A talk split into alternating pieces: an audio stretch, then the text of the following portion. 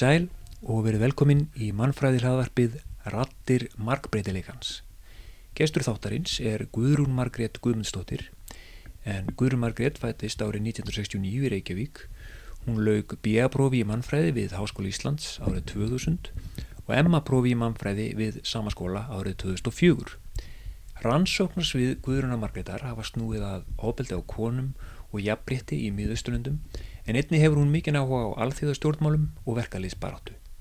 Guðrún Margrét hefur dvalið víða og meðal annars búið í Doha í Katar, Dubai í saminuðu arabísku fyrstadæminum, Kuwait borg í Kuwait, Sana í Jemen og Cairo í Egiptalandi. Guðrún Margrét hefur unnið hjá Rauðakross Íslands, menta- og menningamálaráðuneyti sem var á hétt og starfar í dag sem sérfræðingur í málöfnum fólks af erlendum uppruna á vinnumarkaði og jafnbrytisfulltrúi hjá Alþýðusambandi Íslands.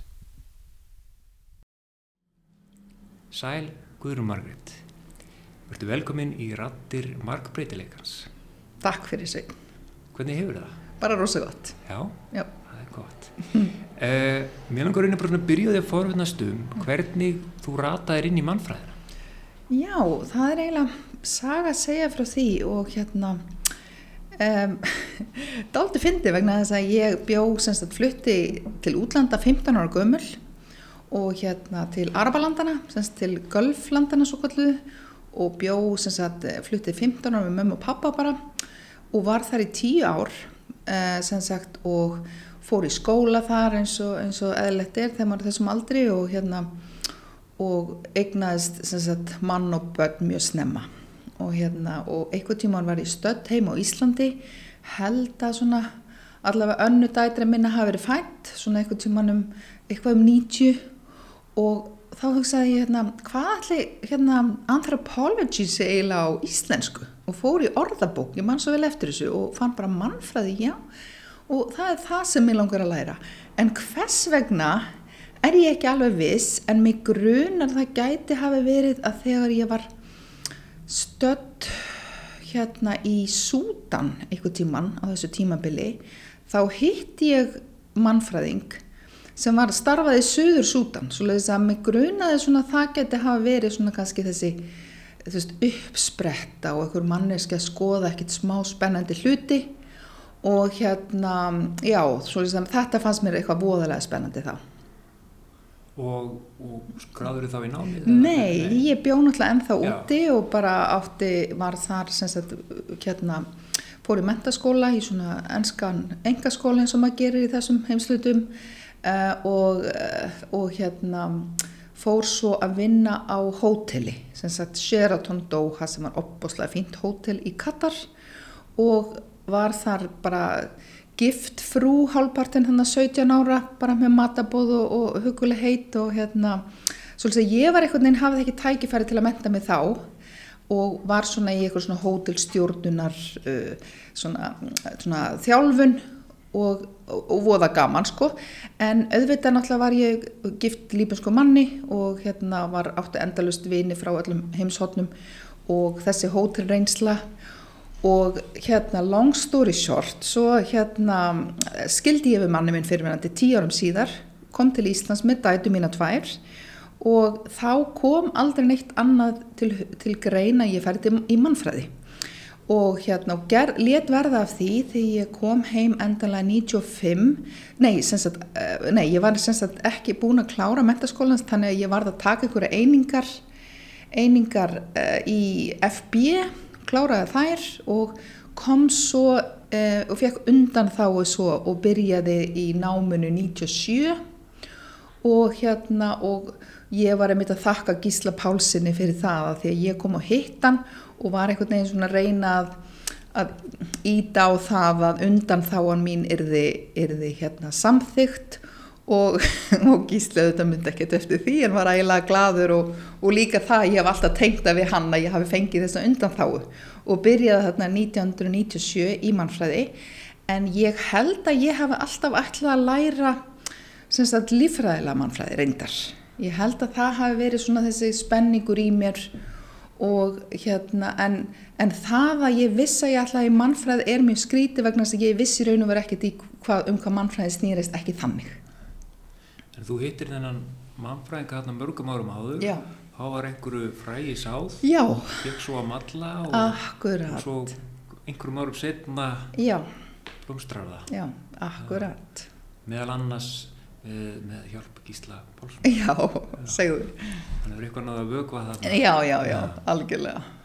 og, og hvernig, hvernig var svo já, þú veist, oh, já, hvernig var námið? komast í námið, já það var sko þetta var eiginlega svona dream come true sko fyrir mig, mér, hérna, ég var mjög, sem sagt ég kom heim og var mjög á því að þurfa að komast bara í nám, langaði bara að fyrir að byrja líf mitt, ekki að hafa, þess fannst ég hafa kannski sóað svolítið miklum tíma bara að vera, þú veist, húsfrú og, og starfskona hóteli og einhvern veginn endalist bara í sundlu, við sundluðabakkan og eitthvað svona og svolítið, ég var mjög og skili við, við mannum minn fyrirvændi sem á það var mjög erfitt svona þrúandi samband svoleiðis að þegar ég komst loksins í mannfræðina þá var frelsist tilfinningin opbáslega mikil og ég sem sagt hérna fekk fljóðlega inn á, á hérna stúdendakörðum þannig að dætu mína voru einhvern veginn í þú veist önnur í leikskóla niðri og hinn í, í melaskóla fekk skólabíl og ég drítlaði út í háskóla þannig að ég var bara þarna öruglega mikil fyrirmynda nefandi og lærði alltaf pottill las alla greinar alltaf fyrir hvern einasta tíma og en var mjög svona hömbul ég bjóst aldrei við gæti mikið þess að ég hafði litla trú á mér Já. og það er öruglega bara fyrst, eitthvað hafa verið nýkomin þannig lagað og kúnasambandi og hérna hafa ekki komið undir með fótunum mm. en loksins þarna hafði ég tækifæri til og fór bara mjög svona auðmjúk inn í þessa miklu fræðigrein og, og mjög opinn og e, svolítið fyndið sko, svo mann ég eftir að ég fekk okkur voðalega fínar engunir hérna eftir að alveg strax á, á fyrstu önn og þá jógst sjálfsörgið til muna sko. Ég maður þegar ég byrjaði í mannfræðinni Já. þá hérna eh, ég var þá 23-4 eitthvað svo leiðis og þá voru tvær konur sem er byrjuð saman tíma og ég 20 árum eldri önnur og 30 árum eldri hinn með fjölskyldu. Þetta voru bestu nefnanir það kunna skipilegja sig.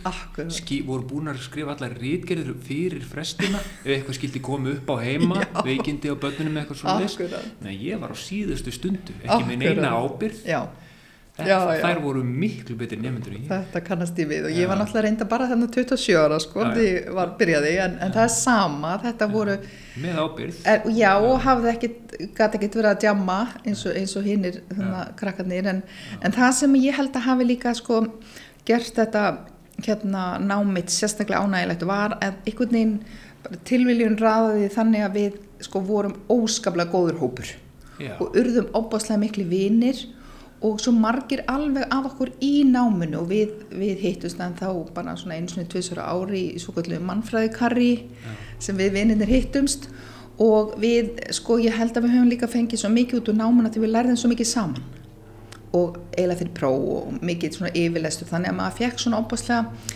já, maður, við tókum þessu öll svona óbúslega alvarlega ja. eða svona þeir sem voru ekki að djama akkurat þegar á stundina sko. ja. Frá þú þá klárar bíða í mannfræði? Heldur beint áfram hjá e, Já, ég tók svona smá jú, í raunar gerði ég það. Ég fór í mannfræði en ég byrjaði sem sagt hjá hérna Gísla í mannfræði lífvísinda og ætlaði svona einhvern veginn að fara inn í verkefni hjá honum en sem var náttúrulega bara stórkoslega merkilt en var ekki alveg það sem ég í raun og veru svona, ég fann mig ekki í því og hafði hérna smittast náttúrulega rækilega feminisma frá Sigriði Dúnu og Unni Dís og, og öllum þeim.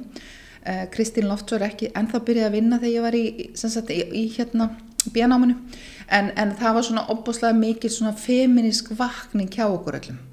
Þannig að það er auðvitað það sem að mig langaði mest að, að gera ég hafði, við reyndar höfum skrifað bíaritt gerð nokkuð saman hjá einmitt eh, gísla og, og bara frábær einsla og hérna, og það, mjög feminiska ég og, og, hérna, og mæja vinkona mínum á hlæðinni ja. og svo sagt, langaði mig einhvern veginn að fara til Sigriðadúnu og fann svona opbáslega mikið samhljóð okkar á milli og hérna, já, svolítið að ég endaði svona hjá í fangin og henni árið setna ja. og, og hóð þá námið mitt ja. Um hvað var bíaverkefni? Eh, bíaverkefni var hérna um, sko, ég er að neina að muna eftir þessu mikla hérna, tilli það var munurinn á blóðskammar og sifja spellamálum í íslenska réttakerfinu sko, eða, og sko ég, man ekki nákvæmlega en við vorum að skoða mun, þeim gríðarlega mikla muni á viðhorfið samfélagsins til kynferðisbrota á börnum og versus hvað gerist í dómsal og þessar, þessar sko um, þessar já í raun og veru allt mikla misræmi á milli þessar að tveggja dóma sem menn fá fyrir að beita börnin sín mm -hmm. kynfrúsóbildi eða versus það sem að, þetta er útrópað af samfélaginu ja. og, hérna, og þá náttúrulega komst maður inn í svona þetta er svona svolítið erfitt ja. erfitt í raun og veru hérna, verkefni en, en bara mjög svona gott í áttu náttúrulega hún Maja Hjántís vinkona mín var náttúrulega bara algjör heili sem ég nautgóðs af. Og þú heldur áfram í tengdu inn í, inn í masterinu, ekki? Jú, jú, og þar sem sagt, eh, það var svona ég og Sigriði Dún einhvern veginn ákvaðan þetta pínu svona saman að því ég vissi að ég vildi eitthvað svona, svona mannfræði kynmenningarlegt en við vorum ekki alveg vist nákvæmlega hvað en einhvern veginn ákvaði ég stuttu setna að skoða af hverju nöðga karlar og þetta þótti gasalega rótækt þá. Já. og í raun og veru svona einhvern veginn byrjaði þetta sem svona pínu bara svona vinnuheiti en svo einhvern veginn fjallaði rítgerðin bara um það þannig að ég ákvað bara að halda því. Og, hérna, og þótti bara ansi svona harkalega að körlum vegið. Ég man eftir þessu þú varst að skrifa þetta og, og ég man að hérna þið voru nokkur þarna með aðstöðu á þriðju hæðinni í, í Otta Passar. og ég man að þá var ég í bíðanamur og ég leit svo mikið upp til eitthvað þeir sem voruð í þessu rými. Já, já, og lappa fram í sjámastundur svona einhver opnað urðina. Sem að kíkti og hvað eru þau þarna? Gera eitthvað gáðilegt þarna inni. Já, okkur fannst það líka sannlega sko. það var mjög skemmtilegt, opbáslega skemmtilegu tími sko. Já, og hver, hvaða áru voru þetta? Sko, ég útskrifaðist þarna um bara í februar 2004 Já, og þá ertu með hérna tvær gráður í mannfræði. Já, já. Sprönglærið, hvað gerir við? Sko, svo eitthvað neginn var ég einhvern veginn á þessum tíma eiginlega farin að búin að fá svolítið ógeð á kemfyrirsbrotum og þú veist um, að ég bara gæti ekki lagt meira á mig að því að auðvitað hefði kannski eðlileg framveit að verið að fá vinni á stígamótum eða hvernatkarinu eða eitthvað svoleiðis.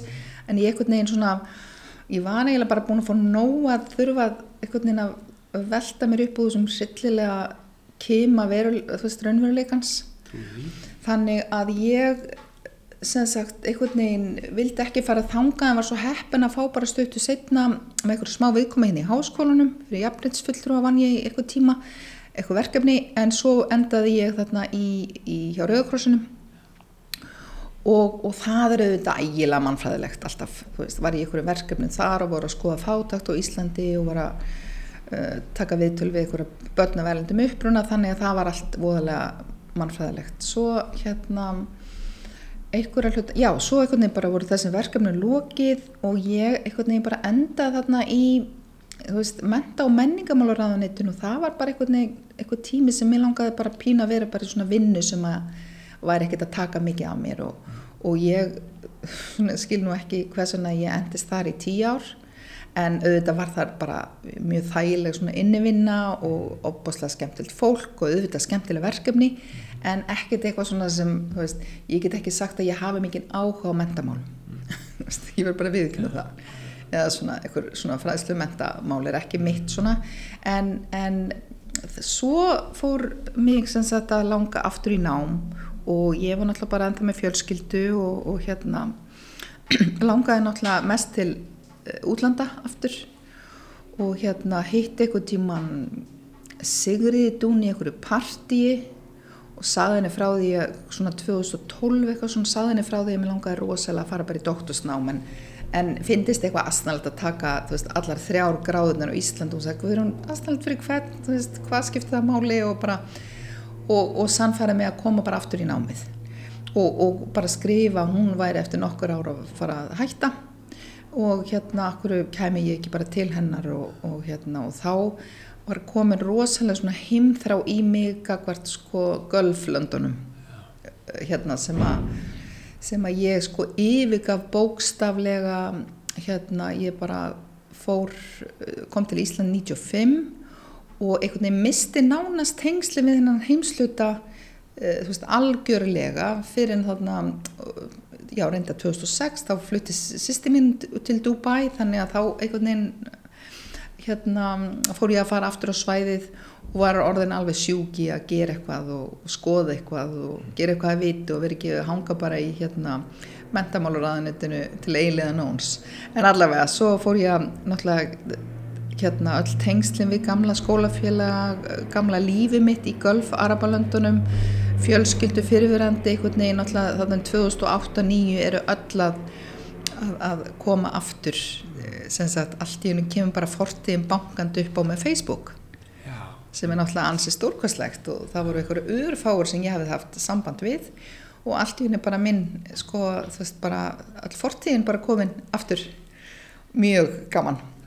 Svo leiðis að ég byrjaði þarna í doktorsnámi hjá Siri Dúnu bara í fullu starfi með veist, fjóra ólinga heimilinu og hérna þú veist mikið að gera. En og endaði með að fara á sko, ég náði það langt í náminu mínu að ég fór á vettvang í fimm mánuði til Katar. Já. og Katar er svona mitt uppóhalds þar bjó ég lengst þegar ég bjó í við Arabíuflóan og það er í raun og verið alltaf svona uppóhaldi mitt og hérna og ég ákvaða, ég skildi skoða hvenna baráttuna þar. Og hérna og Segrið Dúna var náttúrulega mikil stuðningur í því og ég komst út á vettong líka bara með hérna, stuðning frá ráðnættistýrunum minni í, ráð, í hérna, ráðnættinu vissi eitthvað en ég var alveg að kóðna þurfti að fara að gera eitthvað að viti. Og hérna og ég fór á vettvang og, og ætlaði mér að skoða sagt í Katar sem er í raun ekki leifileg hún er svona, það er alltaf þetta svona kvasi Eh, þannig að öll barátt og öll, öll svona félagasamtök eru hluti af ríkinu líka. Mm. af því að þetta er náttúrulega ekki liðræðisríki, þetta er náttúrulega bara einræðisríki. Og þannig að öll þessi samtök, þessi svona kvennasamtök og mannreitinda samtök eru öll, sko það eru alltaf nokkri svona sékar í hverju stjórn þannig að, að það eru svona einstaka mál sem er leifilegt að taka fyrir og hvernréttindi eru svona þú veist, þú mátt berjast fyrir einhverjum ákveðnum hlutum. Eitt sem mátti berjast fyrir það, það að, að börn hvenna frá Katar fengju sem, sem ætti þá ekki katarskan mann, mann ætti erlendan mann mm. fengju ríkisborgarrétt þetta svona mátti berjast fyrir öllu öðru eins og það að koma á stofn einhverjum hérna neyðar eða svona einhverju svona stígamótum ja. eða einhverju svona um, einhverju slíku svona neyðurúrraði ekkert af þessu mátti og svolítið að ég endaði þarna í einhverja fjóra mánuði að taka endalus viðtöl við einhverja sjekhur eða sjekha, þú veist, ja. hvað sem er svona prins, konur af konungs ja. eða svona af þarna, hvað segir maður, svona fórist og ættinni og ég eitthvað neginn, ég var bara sífælt að fá sömu svörin og ég man að Jónína einas svona ráðlaði með það, hún sagði Guðrún þú ert að skoða mikið sko um, hvernig mannfræðinga skoða upp á við, veist, hvernig það er þú veist, konur í, í veist, herri stöðu Já. en þú Rannsæka upp á við Já, Já. Og mér finnst þetta svolítið áhugavert og náttúrulega skoðaði fullt af einhverjum bókum þar og fekk lána hjá Jónínu og sluðis en hérna, en svo bara einhvern veginn fekk ég rosalega mikið bara leið á ríku fólki. Sorry, eða þú veist ég einhvern veginn og líka þú ert í landi svo Katar, ég meina þetta er svo furðulega uppsett land. Þetta eru sko, innfættir eru 10% þjóðarinnar. Og restin er náttúrulega bara þú veist, uh, restin er náttúrulega bara svona erlend vinnuafl og, og bara eins hýrakísk og það getur ver, verið með þarna náttúrulega bara fólki nána svona við myndum kalla kannski svona hálfpartin í þræla haldi en í það að bara svona einhvern veginn evróskir expats. Svo leiðis að þessi 10% þjóðarinnar þau fá gríðilega forreitindi þannig að þú veist, þú býrði landi þar sem að forreitindin eru öll þín og hérna alls konar ókeppis þú veist, allt, allir skólar upp í háskóla allt hérna heilbriðs öll heilbriðstjónusta e, mér er að segja þú giftir þig þá færðu pening frá ríkinu, þú færðu land, kallar að fá landareign. E, þú, þú færð hérna þú, getur, þú færð eitthvað skonar ef að ég held að katarski kallar e, þegar þeir útskrefast úr mentaskóla þá fá þeir um, sest, lán fyrir að kaupa sér hús sem stundum er svo fyrirgefið mm. svo leiðis að sko, þetta fólk er ég að skoða Já. skilur sem fyrstulega hefur lítið álit á mér svona þannig, eða þú veist Já. samt var ég alltaf með þá sérstuða að muna eftir kattar fyrir veist, 27 árum áður þannig að við gáttum svona, ég gæti alltaf náðu til hvernana með því að vera svona aðeins að með svona að sína mig með því að, að segja frá okkur um einhverju svona tilveru sem var í gangi þá sem er náttúrulega allt önnur en nú eða þú veist. Þú kannst vísa í eitthvað svona Já, sammeilegt svoleiðis að ég varð alltaf strax svona svolítið svona bara ein af þeim en samt fekk ég þessi stöðluðu svör og ég bara áttaði því að í landi þar sem að þú býrði svona hálfpartin síndarveruleika þó að það sé ósangjant að segja það þannig en þetta er í raun og veru einhver sagði eitthvað prófessor sem ég heiti úti hann sagði í raun og veru eru kattarar fættir þegar þau fæðast þá fæðast þau inn á sagt svona eh, eitthvað svona velferð eitthvað svona félagslegt kerfi og það er eins og þau bara fái að, að fara á eftirlaun í raun og veru sko bara núlara þannig að og, og líka sko þú veist þú kemur frá þessu landi sem að það er náttúrulega ekkert líðræði það er engin líðræðis það er ekkert það er ekki rifist um pólitík þetta er svo og, og hérna ég rætti þetta við vini mína frá Katar og þau voru einmitt að tala um að þetta lítur að hafa áhrif á hugsun þeirra mm. þannig að þegar ég kveikti á sem sagt, maður voru gaman kannski að spjalla við einhverju sekhu sem var yfir einhverju mannreitinda samtökum kveikt á hérna upptökutækinu að þá allt í hennu bara fekk ég bara alltaf sömu sko svona sömu ræðuna frá öllum. Svo að ég einhvern veginn því miður eiginlega bara gafst upp. Mm. og hérna svo leiðis að því miður bara varði ekkit úr þessu en, en hins vegar náttúrulega tengdist ég aftur uh, Katar. Já. uh, fór aftur, var aftur svona inspired að rifja upp arabískuna. Þannig að ég líti alveg á þetta sem þetta var stórkoslegu tími og ég kynntist einhvern veginn aftur svona einhvern veginn svona pínu mínu samfélagi Já. og hef verið að fara. Ég svona endalega gafst upp í 2016-17 á, á þessum draumi, á þessum doktorsdraumi. En síðan þá hef ég farið mikið og, og haldið tengslum og, og bara, æð, og bara upp, upplifum alltaf sem svona, þetta er alveg svona mitt svona annað heimili það var svolítið gaman en pínu sorglegt að drullast ekki til að klára doktorsverkefnið Þannig að og, og, og hvað gerur þú þá? Sko, þá er ég búin að, hérna, já, þá byðs mér eh, að fara með fríðagæslum til Cairo og að vinna fyrir World Food Program, uh, hérna matvæla áallununa fyrir samnið þjóðunar og það var, sko, mjög merkileg reynsla, bæði stórkastleg og ömurleg, þú veist, ég lendi í einelti sem ég hef aldrei, aldrei, þú veist, og ekki að fliss af því en þetta er bara, þú veist, maður veit ekki hvað einhelti er fyrir maður lendir í því. Eitthvað svona vondar kettlingar sem ég er rosalega ófönn maður er svo, og hérna og ég egnaðist mjög góðan vín þarna sem er normaður og hann fór að flissa þegar ég saði við hann að það voru svo vonda um mig hann yfirkonan og samstarfskona mín svona umlað trundulegar og hann sagði, við í Norðurlanda búar við getum ekki látið koma illa fram með okkur og svona eitthvað svona UN harka Já. og eitthvað svona sem að svolítið að æg, þetta sko vinnur einslan svo náttúrulega lagaðist þetta ég að sjálfsögðu kvarta eins og maður gerir og þetta varðu allt miklu betra en, en einhvern veginn um, svo þá veist er ég í matvala áallunni hérna í sko hvað segir maður höfustöðunum í Kæró sem eru höfustöða fyrir öll 27 löndir í miðsturlöndum og með þess að út í hérna út í hérna uh, Kaspíahaf og, og lengst. En ég var þarna jafnbreytisfulltrú en mátturinn var ekki tala um sko bara helst ekki um að það halla á konur. Það hallar á konur karla boys and girls. Bara, veist, en til hvers þá nákvæmlega er ég ef það hallar ekki á neitt Já.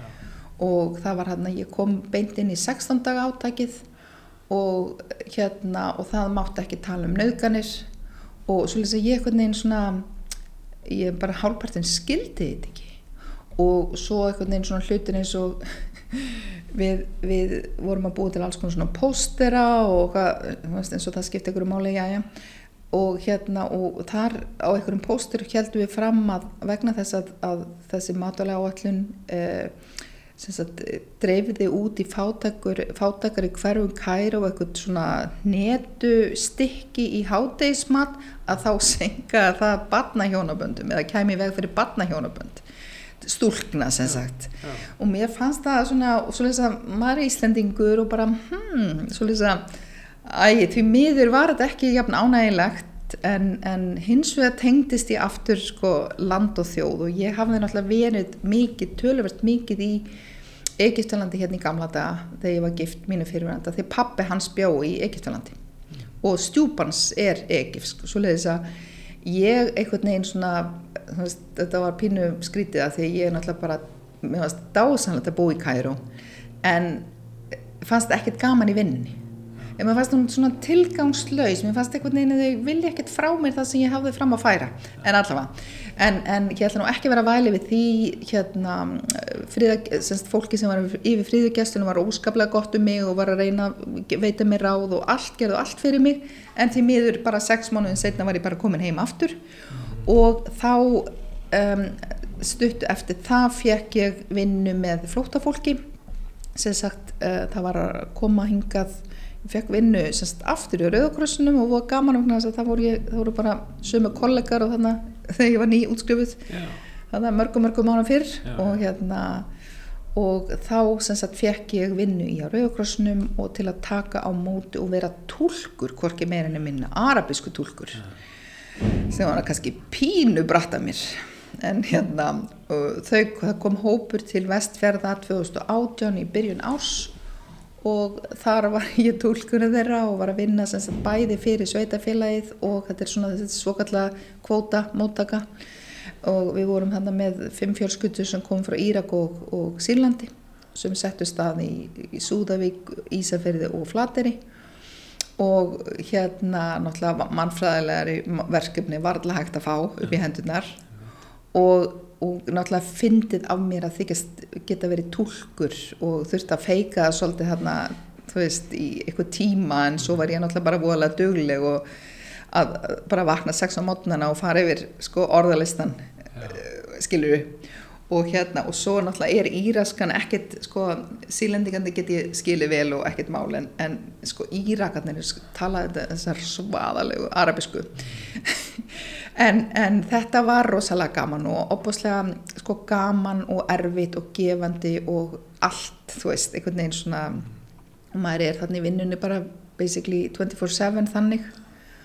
Og uh, ég sé ekki eftir því, ég þarna þurfti bara að læra arabísku gerði það svona, þú veist, the hard way. Mm. og hérna og svo leiðis að svo fekk ég, eh, var þessum verkefni lókið og ég fekk bara strax verkefnistöra stöðu í annari mótöku sagt, setna 2019 og þar komu sagt, nýju fjölskyldur alls um, fimm á Kvamstanga og fjóru á Blöndós og þá fluttu ég norður sagt, og var bara verkefni að stýra þarna í ár og hérna og þá var ég ekki tólkur sko, þá voru líka feignir aðri tólkar en auðvitað bara þess tólka ég þegar þurfti. En hérna, já, þá allavega svona, sko, einmitt þegar maður pælir í þessu með mannfræðina ég held að ég, þú veist ég held að ég nýti bara mannfræðin alltaf í öllu í lífinu, ég menna maður lærði þarna á bara, þú veist að við værum bara öll menningaverur og, og einhvern veginn að, að það væri bara þú veist við mennindi værum bara alls konar og lítil í okkur og heldum að við meikum sens og gerum það ekki og bara all, einhvern veginn allir sjö eins. Þannig að ég held bara í mínu starfi bara allstaðar hafi ég nýtt þessa mm. þú veist þessar kenningar Foucault um valdið og Bourdieu og, og hérna mála, hugmyndunum tungumála frá Gísla og, og hvernréttindi frá Siritún og hérna ég veit ekki, fiskvinnslu og ísafyrði frá unnitís, æskilur ég held að líka náttúrulega því ég var svo opbáslega þetta var svo stórkoslegt fyrir mig að byrja í náminu þetta var svo mikill svona þrautagöng sko, eh, svona lók þrautagöngu eins og ég uppliða þannig að ég var svo óbóðslega sko, mér fannst þetta svo stórgöðslega tækifæri og líka svona pínu auðmug að fá lán frá lánasjónum skilur við, það sem að mínir vinir í Jemen og út um allt náttúrulega fá það ekki sko, ja. hafa ekki tækifæri nema það komið frá ríkum fjölskyldum. Ja. svolítið að, að hérna já, svolítið að um, ég held svona einhvern veginn að mannfræðin sem slík viki aldrei frá en, en þessi, þessi vinna með flótafólki þú getur rétt ímyndaðir, ég, þetta var náttúrulega ansi merkileg reynsla. Já. Og hérna, já, og kannski líka bara fatta það að, þú veist, bara það að sita hjá mannesku og drekka og kaffi og hérna og spjalla og heyra bara hvernig var það varst lítil og svona mm. getur einhvern veginn leist stærstu vandamál heimsins oft ja. þegar fólk er bara fústrerað og einhvern veginn í og bara óttastleið og hvað ég óskupuna var ég að gera koma yngað allarleið, þú veist, hingað þú veist, fá börnum mín einhver tíman einhver tækifæri geta þau lært að, þú veist, tungumál ja. Fólk er bara hrætt og, konun er bara shit, ok, konun er allar konur að gera eitthvað og ja. byrja hvað með okkur og, og kallarnir einhvern veginn vanir kannski að vera í um, og potið að vera í valdastöðu allavega við sínum, sinni fjölskyldu og einhvern veginn komin í neðsta læð þannig að þetta er alls konar þetta er, þetta er náttúrulega bara óskaplega merkilega verkefni og hérna já, svoleiðis að það var líka svona uh, mjög gott eða svona, mér fannst það mikið gæfispor að komast í þessi verkefni já. Þannig að nú er ég bara velta fyrir hvernig þú hérna hvað þú, þú að lýsa sem þú tókst út úr mannfræðinni og hvað áhrif hún hafa þig uh, ég hugsaði alltaf um sko það er talað um þessi mannfræði gleru sem að svona já. laumast upp upp á nefið á manni í náminu og þessi svona heildræna sín á mhm, heiminn mm -hmm. Og þú nefndir einmitt hérna Foucault og Bourdieu og, mm -hmm. og þetta, þetta voru þessar kenningar sem já, já. maður last hérna á, á tímabili sko, þessar valdapælingar og svo þetta, þú veist, afstæðisíkjan og hitt og þetta postmodernismin og, og hérna hvernig þetta hefur mm. áhrif á hvernig maður sér hlutin já. Og svo hérna hjá eftir þú veist að tala um að þetta bara ég á sitja hjá fólki náðu þessari tenging Já, einmitt, bara róa það þú veist, og einhvern veginn og, og mæta fólki á bara svona einhverjum svona samanlegum level. Ja. þú veist, og einhvern veginn ég hugsa oft sko, bara eins og eitt sem að ég er náttúrulega alltaf einmitt, þessi mannfræðigleir og pínundi trafala þegar maður er alltaf að rífa kjáft veist eins og bara í þessum verkefnum eins og kvótaverkefnum var opbáslega kapplagt á alltaf að koma fólki til sálfræðings. Og þú veist þekkendi fólk þú veist úr Arabalöndunum þú veist þá ætti að fara í áfalla hjálp og sálfræðing, einhvern kvítunkallið sem er reyndar indislegu maður en, eða, og þeir sem voru aðna en þetta meikar ekki menningarlega sens þú veist og ég bara fullir það að Arabar koma úr svona þú veist þú ert svo tengdur oft fjölskyldu þínum að þú valla sko pínu ígjunu, þú valla aftengir þig þeim. Þú tekur ekki eina ákvörn í lífunni án þeirra, það er ekki þetta svona, þetta kapp á einstaklingin mm -hmm. þannig það að rýfa eitthvað sko, áfalla hjálpja fólki sem hefur verið á flótta fælst í því að sitta saman allan daginn og hanga saman og gera ekki neitt og kæfta og borða og drekka te og, og gráta og hlæja og veist, það er þeirra áfalla hjálp en einhvern veginn að vera veist, leggja svo mikið kappa einhvern veginn að taka, þú veist, að rýfa einhvern araba úr seinu einhvern veginn náttúrulega umhverfi og, og tala við hann hjá sálfræðingi íslenskum. Ég leif mér að efa að það gagnist mikið, en, en hver veit? En svo náttúrulega bara líka ef að manneskinni er góð og hlý og hlustar á þig, þá getur vel verið að það en ég held oft svona einhvern veginn að í þessum verkefnum miklu næra að, að bara hrúa einn sjálfbóðalifum bara einhvern svona gerfi vinum þá til þú eignast sjálf vini mm. skilur við, bara einhvern veginn að búa til samfélagi kringu þig. Og þetta er svo típist eitthvað sem við mannfræðingar erum bara uh, hvað er að fólki? En svo var Rauðokursin svo sniður að hann hérna var, að, var búin að gera samning við sálfræðingar sem vinna fyrir Rauðokursin er að malla. Þannig að það meika sens veist, það er fólk sem kann á áföll. Mm í þessum kringustæðin og svo pluss það þetta endalus að PTSD áfalladæmi mm.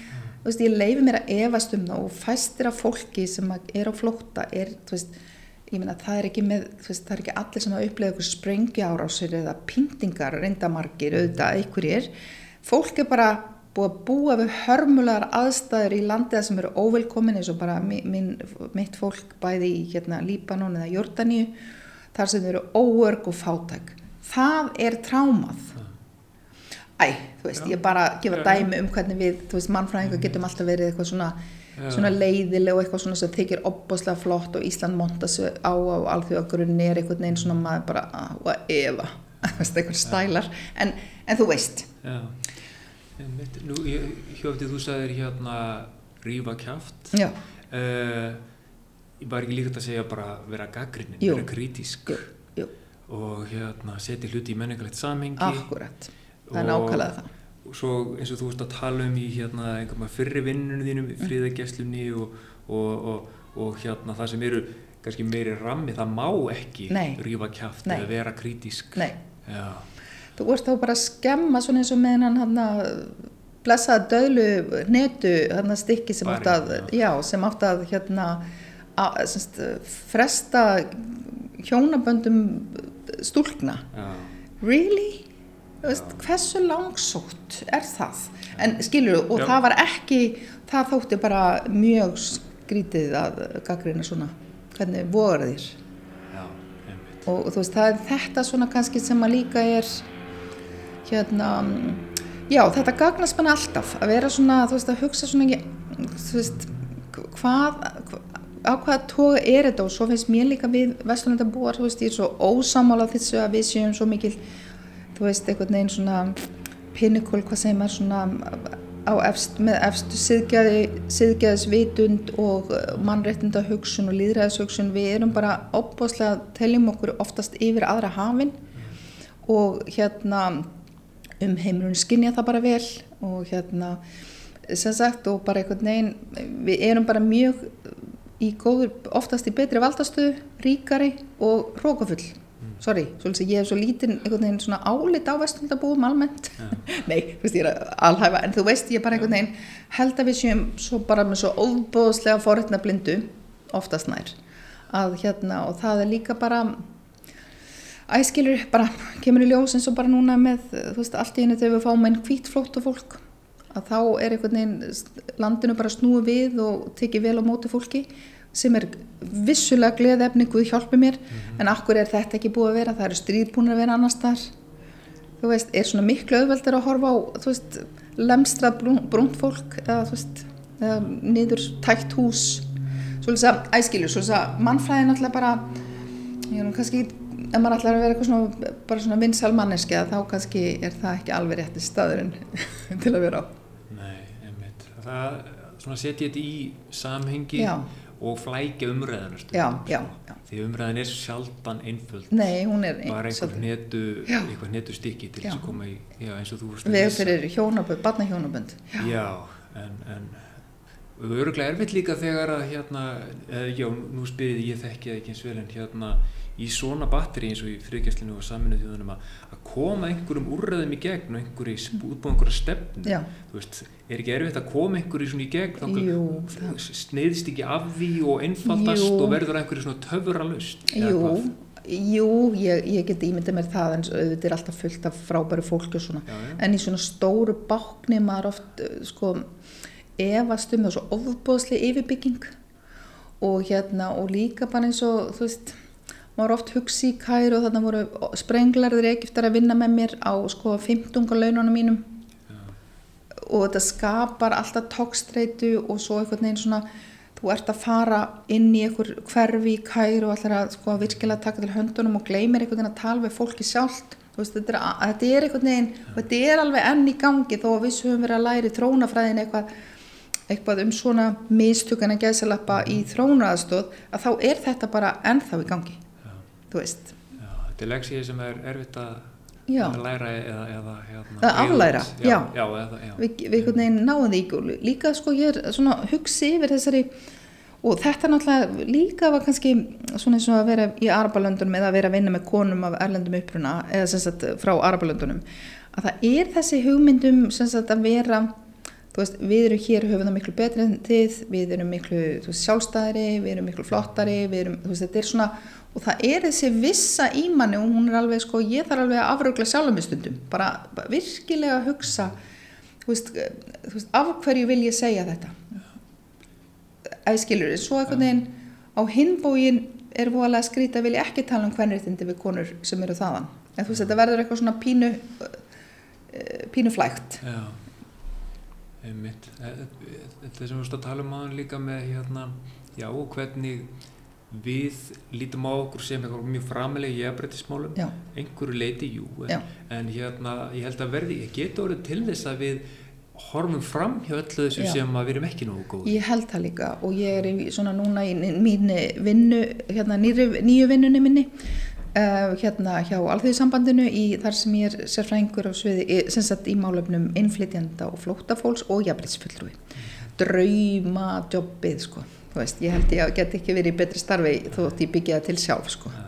En einhvern veginn rað, rauðist þann- þannig. En þar er einmitt sko, er ég í svona norrannu samstarfi. Og mér finnst alltaf svo fyndi í þessu norrannu samstarfi að það er, er talað eins og það sé gefið að uh, Norðurlöndin eru mest og best í jafnbreytsmálum og þau auðvitað eru þau það að mörgu leiti og það er, þú veist, það er sjálfsagt. En einmitt eins og þú segir, getur við verið, eru svona, eru svona blind spots hjá okkur. Og ég meina, og það, er, það eru það. Og, og þú veist, svo bara einhvern veginn akkur fær aldrei neitt kall nokkuð tíma dóm fyrir nögun í stórksleiri hérna jafnbreytisparadís en, en þá á móti getur maður ekki gert lítið úr því sem hefur verið gert. Þú veist, af því það er, auðvitað er ákveðin svona, svona uh, eru við auðvitað með við heiminn þú veist, komin ég ætla ekki að segja miklu lengra því þú veist, svona, á okkur þrónabraut alls ekki þannig, ég meina við erum búin að, búin að eiga þetta samtal svo ógeðaslega lengi og, og það er einhvern veginn hefur, feminismin hefur komist inn í stjórnkerfið. Það er náttúrulega það. Og svo hefur við náttúrulega, þú veist, Katrín Jakobsdóttur sem að, þú veist, má gaggrinu margt en hún er mjög flott í þessu málum. Eitt líka bara sem ég velti fyrir mér við erum komin út í jafnbrytismálin sko, það er hérna stundum er eins og við látum eins og þetta hafi alltaf verið einhvern veginn bara í, í vatninu. Já. þegar að þú veist hvernarreyfingin byggði þetta upp og barðist Já.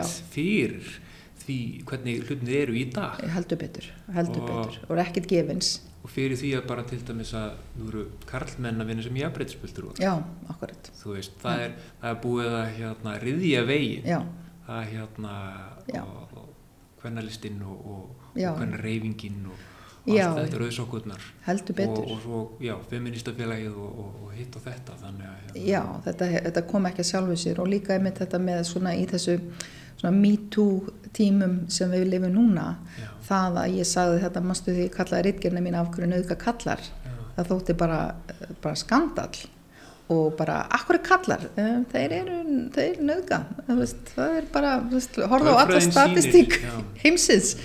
Og hérna, en núna er þetta orðið bara gefið og bara hvað er aðköllum þú veist, þú veist svona, nú er það spurt svo leiðis að auðvitað er, er, hefur margt gerst og er margt gott já. þannig að sínum tíma þá hefur að eitthvað sem að svona uh, vikaði ramman já, og þá var það það var rótækt og, Já. og, og þegar þú veist að skrifa þessa rítgert Já. mætti þú kannski einhverju ákveðnum viðhorfum já, og, en það hefur þá þátt í að vika út hu- hugmyndir okkar. Já, líklega allt sem er gert öll, sjálfsögðu, já, já, all, all, all þessi umræða. Já. og, hvað sem að fólk er kallað auðga feministar það er eitthvað slíkt. Svo í dag er þetta að verða mér að norm. Já, akkurat. Þarna- og svo núna í dag er maður bara svona sissi feministi, þú veist, maður er bara svona það er sissi, það er skilur, maður er bara svona einhver meðal jóna í feminisma ekkert róttakari og bara heitluða náttúrulega þessum ungu konum. Já. Þetta er svo áhugavert hvernig þetta breytið þetta er eins og uh, hafa verið græmmitis æta í mörg ár. Já, svo allt í henni eru allir svo margir vegan. Þá er þetta að færa snæri miðjunni. Já, já, já, já, akkurat, akkurat. Þannig að því að tíma, tímandi breytast já, og, svona normið færist já, og hérna og nýjar áherslur koma upp. Akkurat. Og og, og já, og maður lendir í svona smá sjálfsmyndagrísu oft. Þú veist, einhvern veginn allt í nefnum maður orðin svona bara púkaleg frekar í einhvern, einhverjum svona sem maður var mjög flinkur í áður. Já, og þá var einmitt bara, þú veist, slaka á og, og bara, og kannski er það bara þið besta mál. Já. kannski er það merkjum einhvers konar framfærir Já. já, maður má líta það þannig. Ég er veldið fyrir mig, nú, nú ertu búin að segja mér hérna svolítið svona sögu þína. Já, Það er eins og þú hafi verið undirbúið undir þetta starfið sem þetta í dag. já, það má segja það. Bara alltaf þín æfi. Þess að þessum þú ert búin að vera að lýsa hérna. Jafnvel, jafnvel, já, þetta er, þetta er sko bara, eh, ég er búin að vinna hann í eitt og halvt ár og þetta er búin að vera sko, ég, sko, mér fannst ég þurfa að klípa mig hann á einhverjum tímpunkti því að líka ekki fyrir utan náttúrulega opbáslega skemmtileg verkefni, þá erum við náttúrulega með frábæra fórustu og hérna, og sérstaklega skrifstu ASI, hérna bara stundur feminista, sko, sem hefur náttúrulega ekki gerst áður í reyfingunni, verkefnisreyfingunni Drífu Snædal og, og Höllu Gunnarsdóttur. Og hérna og einhvern veginn að vera á stað sem að maður má allt eða svona einhvern veginn, þú veist, alltaf hlustað hei, hvað finnst ykkur um að við förum í þetta og þetta verkefni, bara já stelpur, þú veist, látið reyna á það. Þetta er, þú veist, ég hef aldrei lendi svona áður og, og ég einhvern veginn svona var einstaklega heppið með kollega þannig að, þú veist sko, ég held að þetta sé svona eiginlega bara svona algjört öfugtu kæró þetta er svona þegar maður verður svona starri maður verður svona starri útgáfana sjálfum sér. Ég upplöði stundum að ég hefði ég var svo góða kollega, ég er með svona bara auka svona utan á hangandi heila. Já. og þú veist svona, svona algjört tröst og svona aðdán á hver annari og hérna þannig að þá verður allt betra. Og allt sem maður skrifar það er yfirlesið og gaggrínt en allt með svona opasleiri hlýju. Já. og hérna ég bara, já, ég er alveg óskaplega hamngisum með þetta og hérna þannig að þannig að já, það er eiginlega hægt að segja það, þetta hafi nú bara svona einhvern veginn allt allt gæti hafa leitt í þetta, þessa vinnu og náttúrulega bara óskaplega mikið verk að vinna, við erum náttúrulega komið 20% af vinnumarkaðunum með fólk að erlendum uppruna og samfarað og, og fjölgun innflytjenda hefur náttúrulega verið sem sagt 6-7 föld uh, hérna, fjölgun innflytjenda á 20 árum. Já, já. svo leiðis að þetta er náttúrulega bara ekkert smáræðis og, og samfarað þessu hefur náttúrulega bara brot á vinnumarkaði aukist. Svo leiðis að og, og náttúrulega þessar sko svona þessar greinar e, þessar greinar sem að þarnast mikils af svona sérstaklega ófaglæri fólki eru náttúrulega stór hættulegar það er náttúrulega bara að gæta orð, þú veist það getur skapa svona einhvern veginn svona mótif að svindla fólki. Um, Já, við hjá Alþjóðsambandinu erum sagt með hérna hinn almenna markað þannig að við erum með fólk, fólk sem er í lálunastörfum og svoleiðis og náttúrulega marga undir þannig að við þurfum að svona huga þessum málum sérstaklega vel. Er ég bara svona að svona taka saman uh, uh, þannig í, í þessu starfi, Já. í þennu núverandi starfi Já. þá máttu vera gaggrinnin og rífa kjátt Já, og það er eiginlega ætlast til af manni. Já, Svoleiðis að þetta er, það er í raun og veru og líka svona þegar einhvern veginn skapa svona stemning þar sem að allir mega bara tjá sig og því er vel tekið þú veist, þetta er, en það er alveg gerða mikla kröfur á mann, það er ekki það. Og, og líka einmitt svona og þessi sko líðan, þú veist, stundum er ég bara að drepast í hausnum að því að það er svo mörg verkefni og mikið að gera. En ég er einmitt að hugsa sko svona með við líðan í Kæró sem ég var að gera miklu minna, ég var örmagna eftir daginn í einhvern veginn erfiðum svona einhvern veginn í erfiðum kringumstæðum svona einhverju svona eineltist tilburðir á meðan ég fæ einhvern veginn svona þú veist, maður er dauður en, en samt fullur af orku og gladur ég er oft líka að hugsa sko bara með þessu allt þetta svona talum um hérna að brenna yfir svona burnout. Þú veist, hvort þetta sé raunverulega ekki meira heldur en bara vinnu álag skilur við Ég, maður bara velti fyrir sér. En hérna já, nei, nei, þetta er svo fæ ég náttúrulega líka að vera að vinna að hérna flóttamannamálum þaðan og í raun og veru alltaf með móral, króniska móral að vera ekki ger, að, veist, að gera nóg vegna þess að þetta eru svona þessi, þessi mál, það er svo skrítið við erum búin að vera að taka á móti miklu fjölda flóttafólks síðustu árin og má segja svona að það hafi hafið svona fyrir alvöru 2016-17 það eru opbáslega lítill tölfræði um hennan hóp.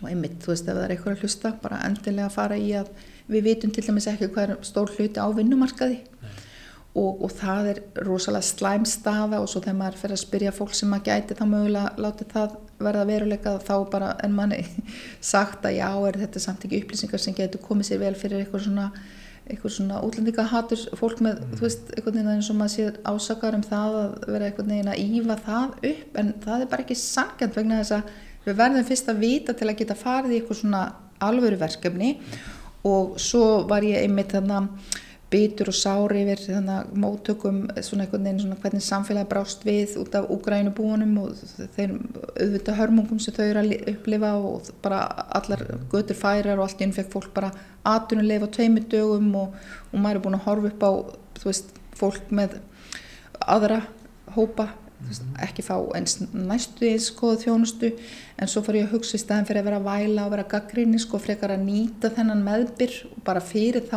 alla svo leiðis að það er svona kannski vonin núna. Já.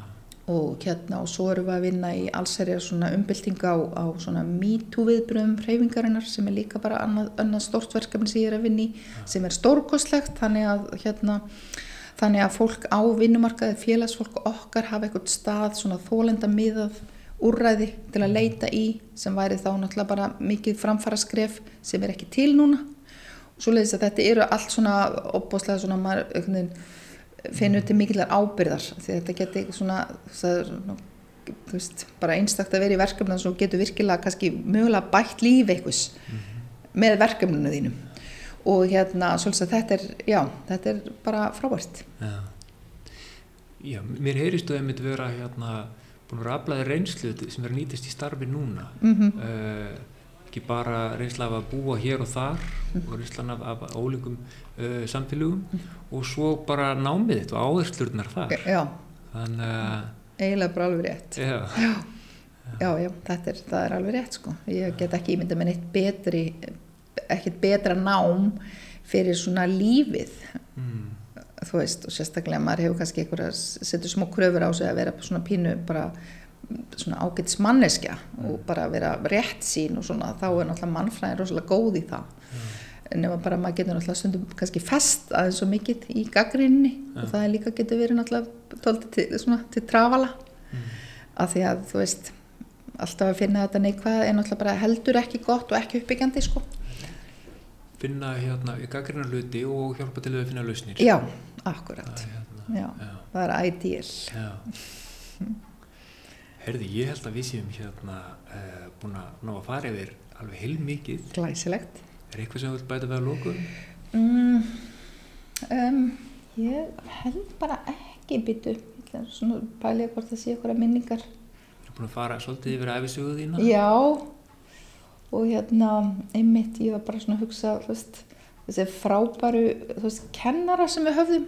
Já einhvern veginn hvað við vorum með einstakt lið, þú veist, einhvern veginn Sveit nýkominn frá Papua Nýginu svo kom uh, Kristín Lofts frá Bútabe, fólkinu sem nýgir og hérna Unnudís með sína reynslu og Sigriði Dúna með alla, þú veist, og Haraldur Ólas og Gísli Páls, þú veist, þetta er svona mm. þú veist, þetta er bara algjört eðal fólk sem mm. kendi manni, þannig að ég held að það hafi líka bara svona mm. uh, þú veist, maður var alltaf svona pínu gapandi yfir hvað fólk hafi verið að gera og svona, svona þetta var skapaði svona opaslega gott á andrúrslótt fannst mér. Já, sem þú tókst svo áfram. Já, vonandi. Herðu frábær, bara þakka ekki alveg fyrir að koma í hlaðvarpið. Já, mín var ánægum Já, gangiði vel áfram í stafinu Takk fyrir